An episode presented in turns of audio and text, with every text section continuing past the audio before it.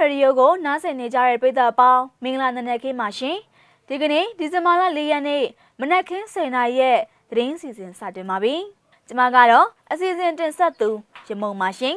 ။ဖုန်းခေါ်ဆိုကားနဲ့အင်တာနက်အသုံးပြုခါတွေညှင့်တက်လာဖို့အတွက်ရှိနေတဲ့သတင်း။ပြည်သူတွေရဲ့အပိထောက်ခံကူညီမှုနဲ့စစ်ကောင်စီရဲ့ကြုံပြုအုပ်စိုးမှုကိုတိုက်ဖြတ်အနိုင်ယူမယ်လို့ NUG ကာကွယ်ရေးဝန်ကြီးက CNDF ထံတဝန်လာပေးပို့ခဲ့တဲ့သတင်း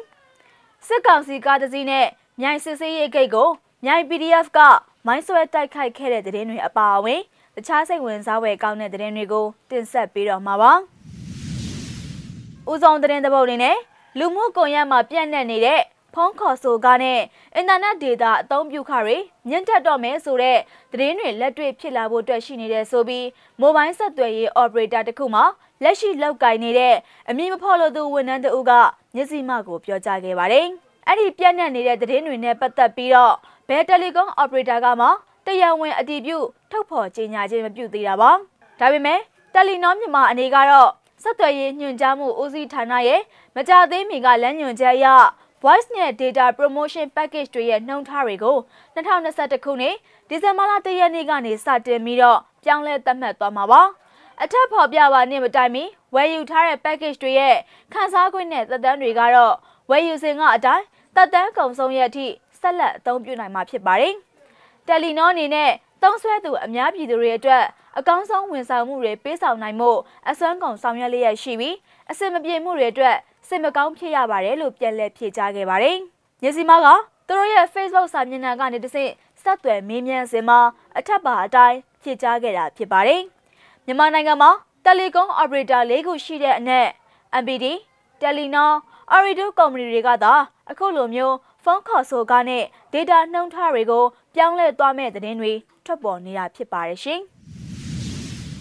ဆက်လက်ပြီးတော့ချင်းပြည်နယ်ကသတင်းကိုတင်ဆက်ပေးပါမယ်။ချင်းပြည်နယ်မှာတော့ CNDF အထူးကွန်မန်ဒိုတင်တန်းစင်ပွဲကိုမနေ့ကပြုလုပ်ခဲ့ပြီး NUG ကာကွယ်ရေးဝန်ကြီးဦးရီမွန်ကတဝန်လာပေးပို့လိုက်ကြောင်း CNO ကသတင်းထုတ်ပြန်ထားပါတယ်။ပြည်သူရဲ့အားပေးထောက်ခံကူညီမှုနဲ့စစ်ကောင်စီရဲ့ကြုံပြုအုပ်စိုးမှုကိုတိုက်ဖြတ်နိုင်ယူမယ်လို့ NUG ကာကွယ်ရေးဝန်ကြီးဦးရီမွန်ကတဝန်လာမှာထက်သွင်းပြောဆိုထားတာပါ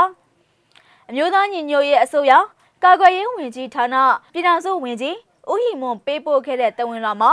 ရဲဘော်တို့အားလုံးကိုစိတ်ကျမ်းမာချမ်းသာကြပါစေကြောင်းစွန့်ဝန်ကောင်းတောင်းလိုက်ပါတယ်။ CNDF အထူးကွန်မန်ဒိုတင်နန်းစင်အမှတ်စဉ်တင်မြင့်ဆောင်2021စင်ပွဲကိုအခုလိုတဝန်လာပါခွင့်ရတဲ့အတွက်အထူးဂုဏ်ယူကြောင်းပြောလိုပါတယ်။ရဲဘော်တို့ရဲ့စွန့်လွတ်ပေးဆက်မှုတွေဟာနောက်လာနောက်သားငါတို့မျိုးဆက်တွေအတွက်ဖြစ်ပါတယ်။ ငါတို့ပြည်ထောင်စုနိုင်ငံတော်ရဲ့အနာဂတ်အတွက်ဖြစ်ပါတယ်။တိုင်းရင်းသားပြည်သူအလုံးစစ်ကြုံဘဝကလွတ်မြောက်ရေးအတွက်အဆုံးသတ်တိုက်ပွဲဝင်နိုင်ရန်ရည်ရွယ်ပြီးတော့အခုလိုဆုံးလို့ပေးဆက်မှုတွေကိုရင်းနှီးအတီးပြုတ်နေတဲ့ရဲဘော်တို့အားလုံးကိုဒီနေရာကနေဥညွတ်အလေးပြုလိုက်ပါတယ်။ရင်းနှီးပေးဆက်မှုမရှိဘဲတော်လန်ရေးဟာမရှိနိုင်ဒီတော်လန်ရေးအတွက်ဘဝ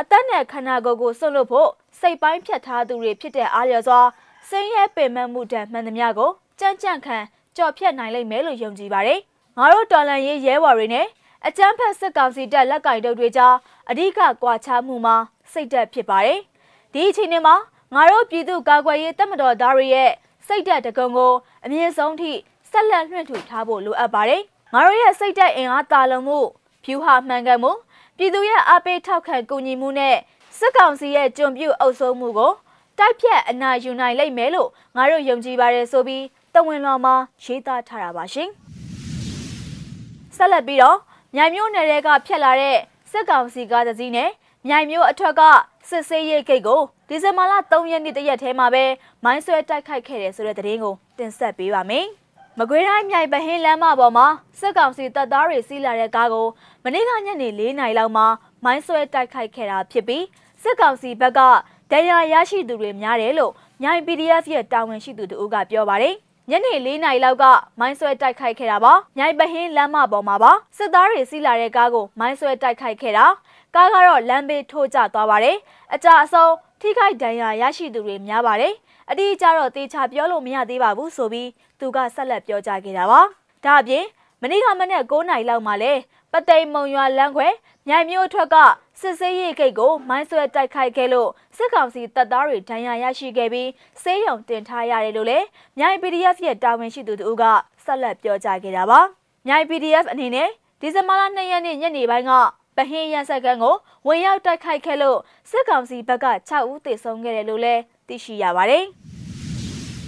နောက်ထပ်သတင်းသဘောအနေနဲ့ရန်ကုန်တိုင်းသာကေတမြို့နယ် စင်ကမလမ်းမပေါ်မှာရှိတဲ့ KBZ ဘန်ရှိအပြင်ဘက်မှာမနေ့ကဒီဇင်ဘာလ3ရက်နေ့ညနေ6:30မိနစ်အချိန်မှာပောက်ကွဲမှုဖြစ်ပွားခဲ့ပါတယ်။ KBZ ဘန်မှာတော့ထိခိုက်မှုကိုတေချာမသိရှိရသေးတာပါ။မိသက်ရုံးမှာကမိသက်ဝန်ထမ်းတွေနဲ့အရက်ဝတ်တွေလိုက်လံဖမ်းဆီးမှုကြောင့်လက်လုံတနက်နဲ့နှစ်ချက်ပြစ်ခတ်တတိပေးခဲ့ပါတယ်လို့ People Defense Force Unity အဖွဲ့ကပြောကြားခဲ့တာပါ။ ဒီဇင်ဘာလ26ရက်နေ့ကလည်းတာဂေတာမြို့နယ်မင်းနန္ဒာလမ်းမပေါ်မှာရှိတဲ့ KBZ ဘဏ်မှာလည်းပောက်ကွဲမှုတွေဖြစ်ပွားခဲ့ပါသေးတယ်ရှင်။ဒီဇင်ဘာလ၄ရက်နေ့မနက်ခင်း7:00နာရီထိနောက်ဆုံးရရှိထားတဲ့သတင်းတွေကိုညစီမရေဒီယိုကနေထုတ်လွှင့်တင်ဆက်ပေးကြတာပါ။နားဆင်ပေးကြတဲ့အတွက်ကျေးဇူးတင်ပါတယ်ရှင်။